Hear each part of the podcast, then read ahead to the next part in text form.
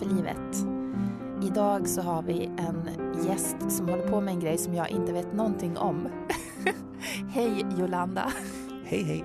Du heter Jolanda Bom Korrekt. och du håller på med spoken word. Ja. Och det enda jag vet är namnet. Jag vet ingenting mer. Aha. Berätta vad spoken word är. Det vill jag jättegärna göra. Eh, spoken word är den engelska termen för estradpoesi egentligen. Så det betyder att det är poesi som är anpassad för att läsas inför publik på scen. Mm. Så det betyder oftast att den är mer, mer teatral, det är mer fokus på själva framförandet och ibland lite mer publikfriande.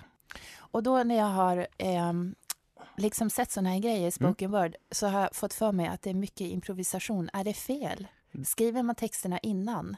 Eh, ja, du har fel. Ja. Eh, Det finns en undergenre, eller, en, en, eller det finns en tävlingsform av spoken word som heter poetry slam. Och i poetry slam så finns det en annan, eller en undergenre där som heter improesi, som är att den tävlar i att improvisera dikter. Mhm. Så det finns ju också vissa teatrar och vissa poesisällskap som har improesi-framföranden också, men inom spoken word så är det oftast att det, att det är förskrivet. Eh, och när man håller på med det här, eh, tycker du att man blir, börjar man som i teaterändan eller börjar man i lyrikändan? De som är Mm. bra på spoken word, för man måste ju vara bra på att framträda, Mm. men man kan ju inte bara stå uppe på scenen och bara läsa upp vilket skräp som helst. Vilken är liksom den största styrkan man ska ha? Ja, fast alltså, det är lite så att du kan ställa dig på scen och läsa upp vad som helst egentligen. För, eller inom själva Poetry Slam tävlingsgenren så är det ju så att eh, vem som helst får anmäla sig och vem som helst får gå upp på scen i tre minuter. Så länge du inte bryter mot lagen så får du göra vad som helst på scen. Mhm. Eh, men om man ska lyckas så måste man både vara duktig på det innehållsliga och på framförandet, oftast på själva formen på texten också, så att det är ett fint hantverk. Mm. Men eh, de som jag har sett, de, de flesta, eller inte de flesta, de flesta kanske kommer från poesihållet och så några som kommer från teaterhållet. Och sen brukar den utvecklas mer mot en gemensam mitt, liksom, så att folk blir bra på det teatrala och på det textmässiga. Vad har du för ämnen som du skriver om? Allt möjligt egentligen. I början så eh, var jag väldigt mycket så att jag inte ville skriva om det som folk förväntade sig om att jag skulle skriva. Liksom. Eh, och i och med att jag är en, en brun transperson så ville förväntade sig folk att jag skulle gå upp på scen och läsa typ om så rasism eller om transfobi. Typ. Så till en början så var det, det det sista jag läste om. Så jag skrev mycket om eh, andra politiska frågor, om, om kärlek, om mina föräldrar, om allt möjligt som inte hade med de två ämnena att göra. Men Mm. sen på senare tid så har jag mer och mer börjat utforska de temana. Vad är det som har gjort att du har ändrat inställning? Att du nu har, att du Mm. skriver om de temana nu? När det kommer till transpersoner så är det ofta så alltid samma berättelse som lyfts fram. Liksom, typ så här, en transtjej som är prostituerad eller knarkar eller är skitsmal och skitsnygg. Liksom. Eh, och oftast är vit. Liksom. Eh, och då kände jag att men det finns ett stort värde i att jag lyfter fram de berättelser som jag har. Speciellt i och med att jag börjar få en större och större plattform där jag kan framföra de berättelserna på.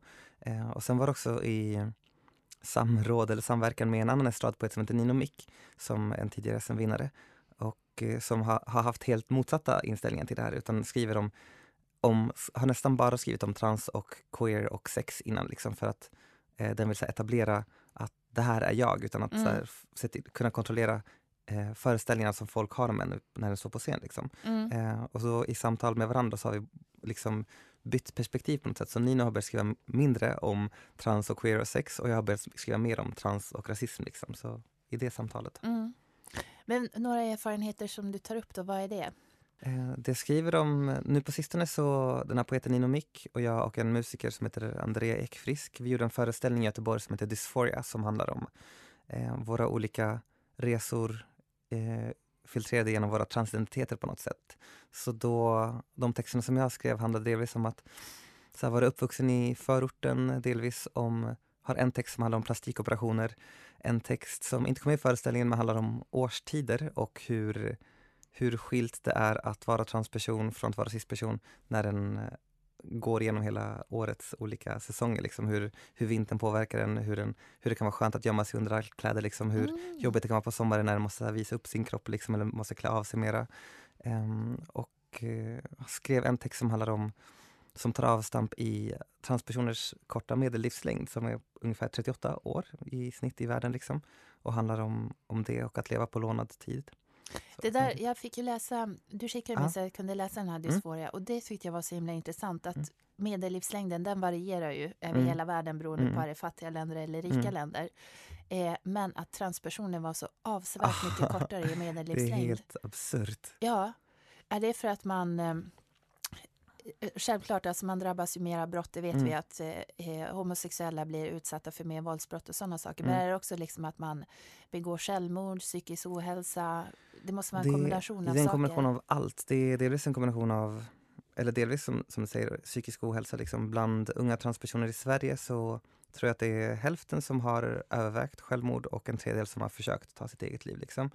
Eh, runt om i världen, så är det, eller i Sverige också, men runt om i världen är det jätte- jättemycket våld mot transpersoner. Liksom. Det är jättemånga Mm. som blir dödade, unga, speciellt transfeminina. Liksom. Eh, det finns en dag varje år som heter Transgender Day of Remembrance där den gör en manifestation för att komma ihåg alla som har dött och läser upp eh, alla de registrerade dödsfallen som har varit. Ehm, och det är ju så långa listor, hundratals namn liksom, som har mördats varje år, liksom, bara för att de är trans. Mm. Du tipsade också mig om en jättebra sajt. Berätta om den. Ja, det finns en, en hemsida som heter transformering.se som RFSL Ungdom håller i, eh, som är en informationssida för alla som vill veta någonting om trans. Liksom. Det är både för föräldrar och för eh, barn till transpersoner. Det riktar sig huvudsakligen till ungdomar. Eh, och den, det är information till transpersoner, det är information till media som ska intervjua transpersoner, det är information till alla som ska ha någonting med transpersoner att göra. Så det Mm. är en väldigt bra informationskälla man vill veta mer om trans. Det här temat är ju läsning i den här Ja. podden. Och då måste tänker jag, vi måste prata om läsning. eh, nej men jag eh, tycker ju själv att jag vänder mig jättemycket till litteratur Mm. eh, som, ska vi kalla det terapi, men att man liksom, jag hittar väldigt mycket bekräftelse och acceptans Mm. och allt det där i litteratur. Mm. Eh, det måste ju vara svårare om man är trans. Ja, Om man tänker för att det finns inte så mycket litteratur som Exakt. handlar om trans. verkligen. Eller det finns ju en hel del facklitteratur som handlar om trans. Liksom. Delvis avhandlingar av transpersoner eller om trans på olika sätt. Liksom. Eh, Susanne Stryker är en jättebra författare som har skrivit Mhm. massa bra saker. Bland annat en eh, avhandling som inte minns vad den heter men som, som tar avstamp i, i Frankenstein. Eh, som handlar om hur en kan betrakta sin kropp som en onaturlig skapelse och finna stolthet i det på något sätt. Det är en fantastisk uppsats. Men om man kollar faktiskt rätt längre bak så finns det också så här mycket dokumenterat om transpersoner medeltida Europa, liksom eh, two-spirits eh, bland ursprungsbefolkningen i Nordamerika. Så det finns ju mycket att hitta men det finns inte så mycket skönlitterärt som man kan se. Liksom. Mm. Eh, och det är först de senaste åren som det börjar dyka upp mer så här, serietidningar som handlar om trans och mer lite böcker som handlar om trans men det finns inte så mycket. Nej. Eh, när du läste böcker när du var liten, eh, hur, var, hittade du någonstans och jag kände, men gud den här boken är verkligen för mig? Fanns det någonting som du bara kunde se, liksom, dra in som en svamp och bara tänka det här är Mm. jag? Ja, alltså jag, jag har tänkt på det här i efterhand faktiskt. Ehm, och, för jag läste jättemycket serietidningar när jag var liten. Eh, och det jag fastnade mest för var ju mutanter egentligen, så folk med övernaturliga krafter Mhm. eller folk med abnorma kroppar på något sätt. Eh, och det tilltalade mig jättemycket när jag var liten, men jag förstod inte riktigt vad det var. Jag trodde att det var mer så här, själva rädda världen-grejen. Eh, men sen när jag ser tillbaka på det så kan jag tänka mig att det kanske mer hade att göra med att relatera till folk som var så utstötta, hade kroppar som inte fungerade som de skulle och hela den grejen. Eh, så jag tror att för min del har det varit mycket att tolka in mig själv i berättelser som kanske inte riktigt handlar om mig men där jag ändå kan se någon slags utrymme för min egna upplevelse. Mm. Eh, Om du tänker vad du läser Ja. för någonting nu då? Mm. Tycker du att du har lättare att hitta, att hitta liksom dina ämnen i skönlitteratur som finns för tillfället? Ja, lite. Alltså det finns ju några bra svenska ehm, böcker som, handlar, som typ handlar om trans. Liksom. Det finns ju boken Pojkarna av Jessica Schiffauer som handlar om eh, ett gäng unga flickor som hittar en blomma som de gör en dryck av som förvandlar dem till pojkar. Liksom. Mm. Eh, och jag har pratat med Jessica och hon sa att från början så var inte boken tänkt att handla om trans utan mer om så att utforska sin kropp och så. Men så blev det att den typ handlar om trans och den tycker jag är en väldigt bra gestaltning av en transupplevelse tycker jag. Och boken Åror av Elias Eriksson Mm. tror jag, som handlar om en ung transkille eh, som också är fantastiskt bra och jättefin. Ehm, men förutom det så finns det inte så jättemycket i Sverige. Liksom. Men jag tänker också att de mer så korta medierna och de mer omedelbara medierna, typ så här, folk som trycker egna serietidningsfanzin, där finns det många transpersoner i Sverige som gör eh, egna berättelser, liksom, men de syns inte jättemycket. Och samma sak inom estradpoesin så finns det inte jättemånga, men en del eh, transpersoner i Sverige, men och väldigt många i USA som står upp och berättar sina berättelser inför folk. Liksom. Eh, så där finns det mer att identifiera sig med.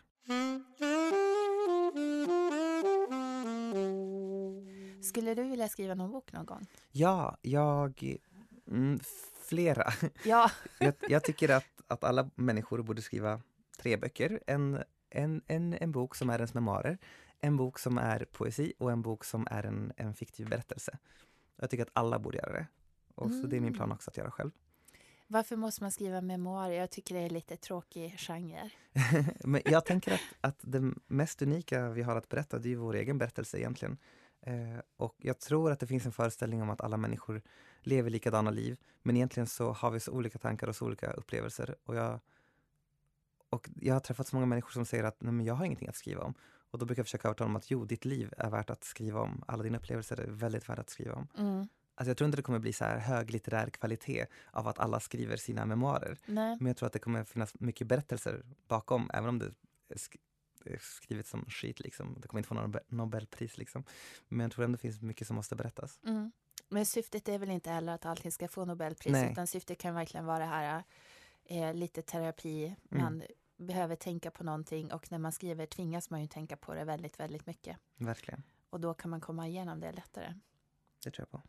Men när det gäller böcker då som mm. du har läst och vad som finns nu. Mm. Vad skulle du önska dig i den bästa av världar? Vad vill du läsa för böcker? Jag skulle vilja läsa min egen bok. Nej, jag ska bara. um, men jag, en sak som jag har tänkt på är att ofta när eh, stora bokförlag ska släppa böcker som ska vara på något sätt utforska något nytt ämne eller nya identiteter på något sätt så brukar det oftast bli att det bara är en identitet som utforskas. Så att det bara blir så här, men typ när när så här förortslitteraturen började komma, då var det oftast bara, handlade bara om att vara från förorten. Oftast var det någon snubbe i förorten som berättade om hur det var att vara snubbe i förorten. Mm. Liksom. Eh, eller när eh, transberättelser började lyftas upp så handlade det bara om trans. Liksom. Eh, jag skulle vilja se mer litteratur som utforskar intersektionen mellan de olika nya berättelserna, liksom, hur det är att vara från förorten och vara trans och kanske ha en funktionsvariation. Liksom. Mer som handlar om det och inte bara som tar tag i en sak åt gången. Har du någon förhoppning om att det här, känns det som att det är på gång? Ja, eller det känns som att, eller, mm, ja, om jag, om jag tänker på, eh, på poesiscenen och på musikscenen så känns det som att det blir eh, mer öppet för att ha fler identiteter än vad det var innan. Liksom. För förut var det så att ah, men var du bög eller lesbisk så var det du fick vara. Liksom. Eller så här, var du brun så var det det du fick vara. Liksom. Nu finns det ju artister som är både så bruna och lesbiska. Liksom. Mm. Och så vidare. Och det känns som att samma sak inom poesin. Och jag tror att, eller i och med att typ musik och poesi är ju mer eh, omedelbara som genrer. Och så tror jag att det är liksom visar vart resten av litteraturen, den långsamma litteraturen, liksom böckerna, är på väg också tror jag.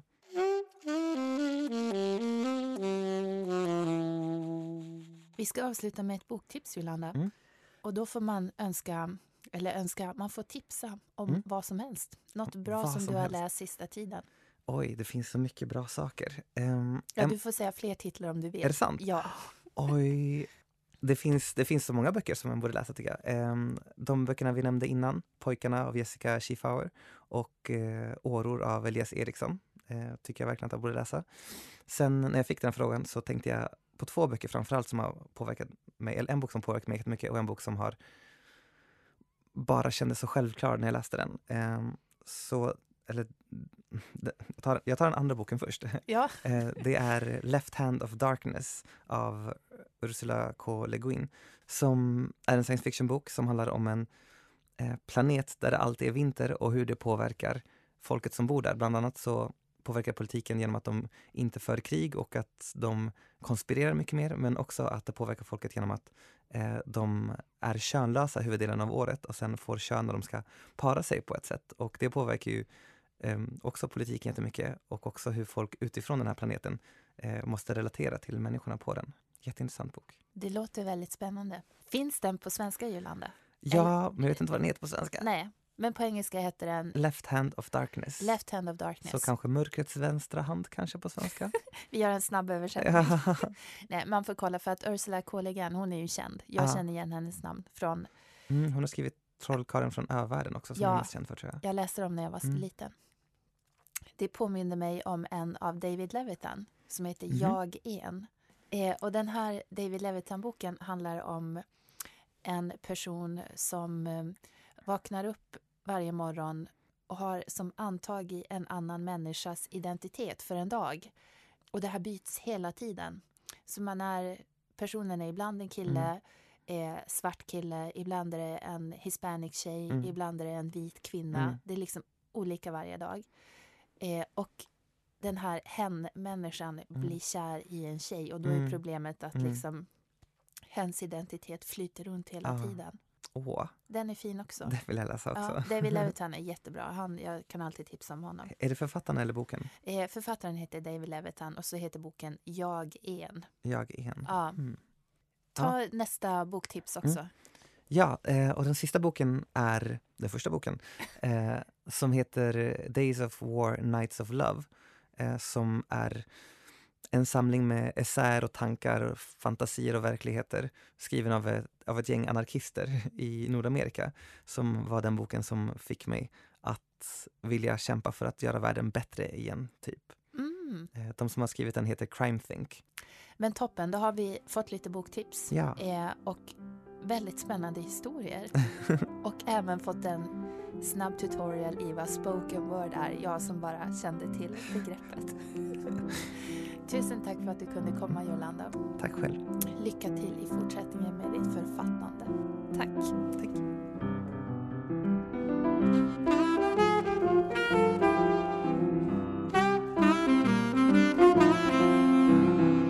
Läs för livet görs av produktionsbolaget Munk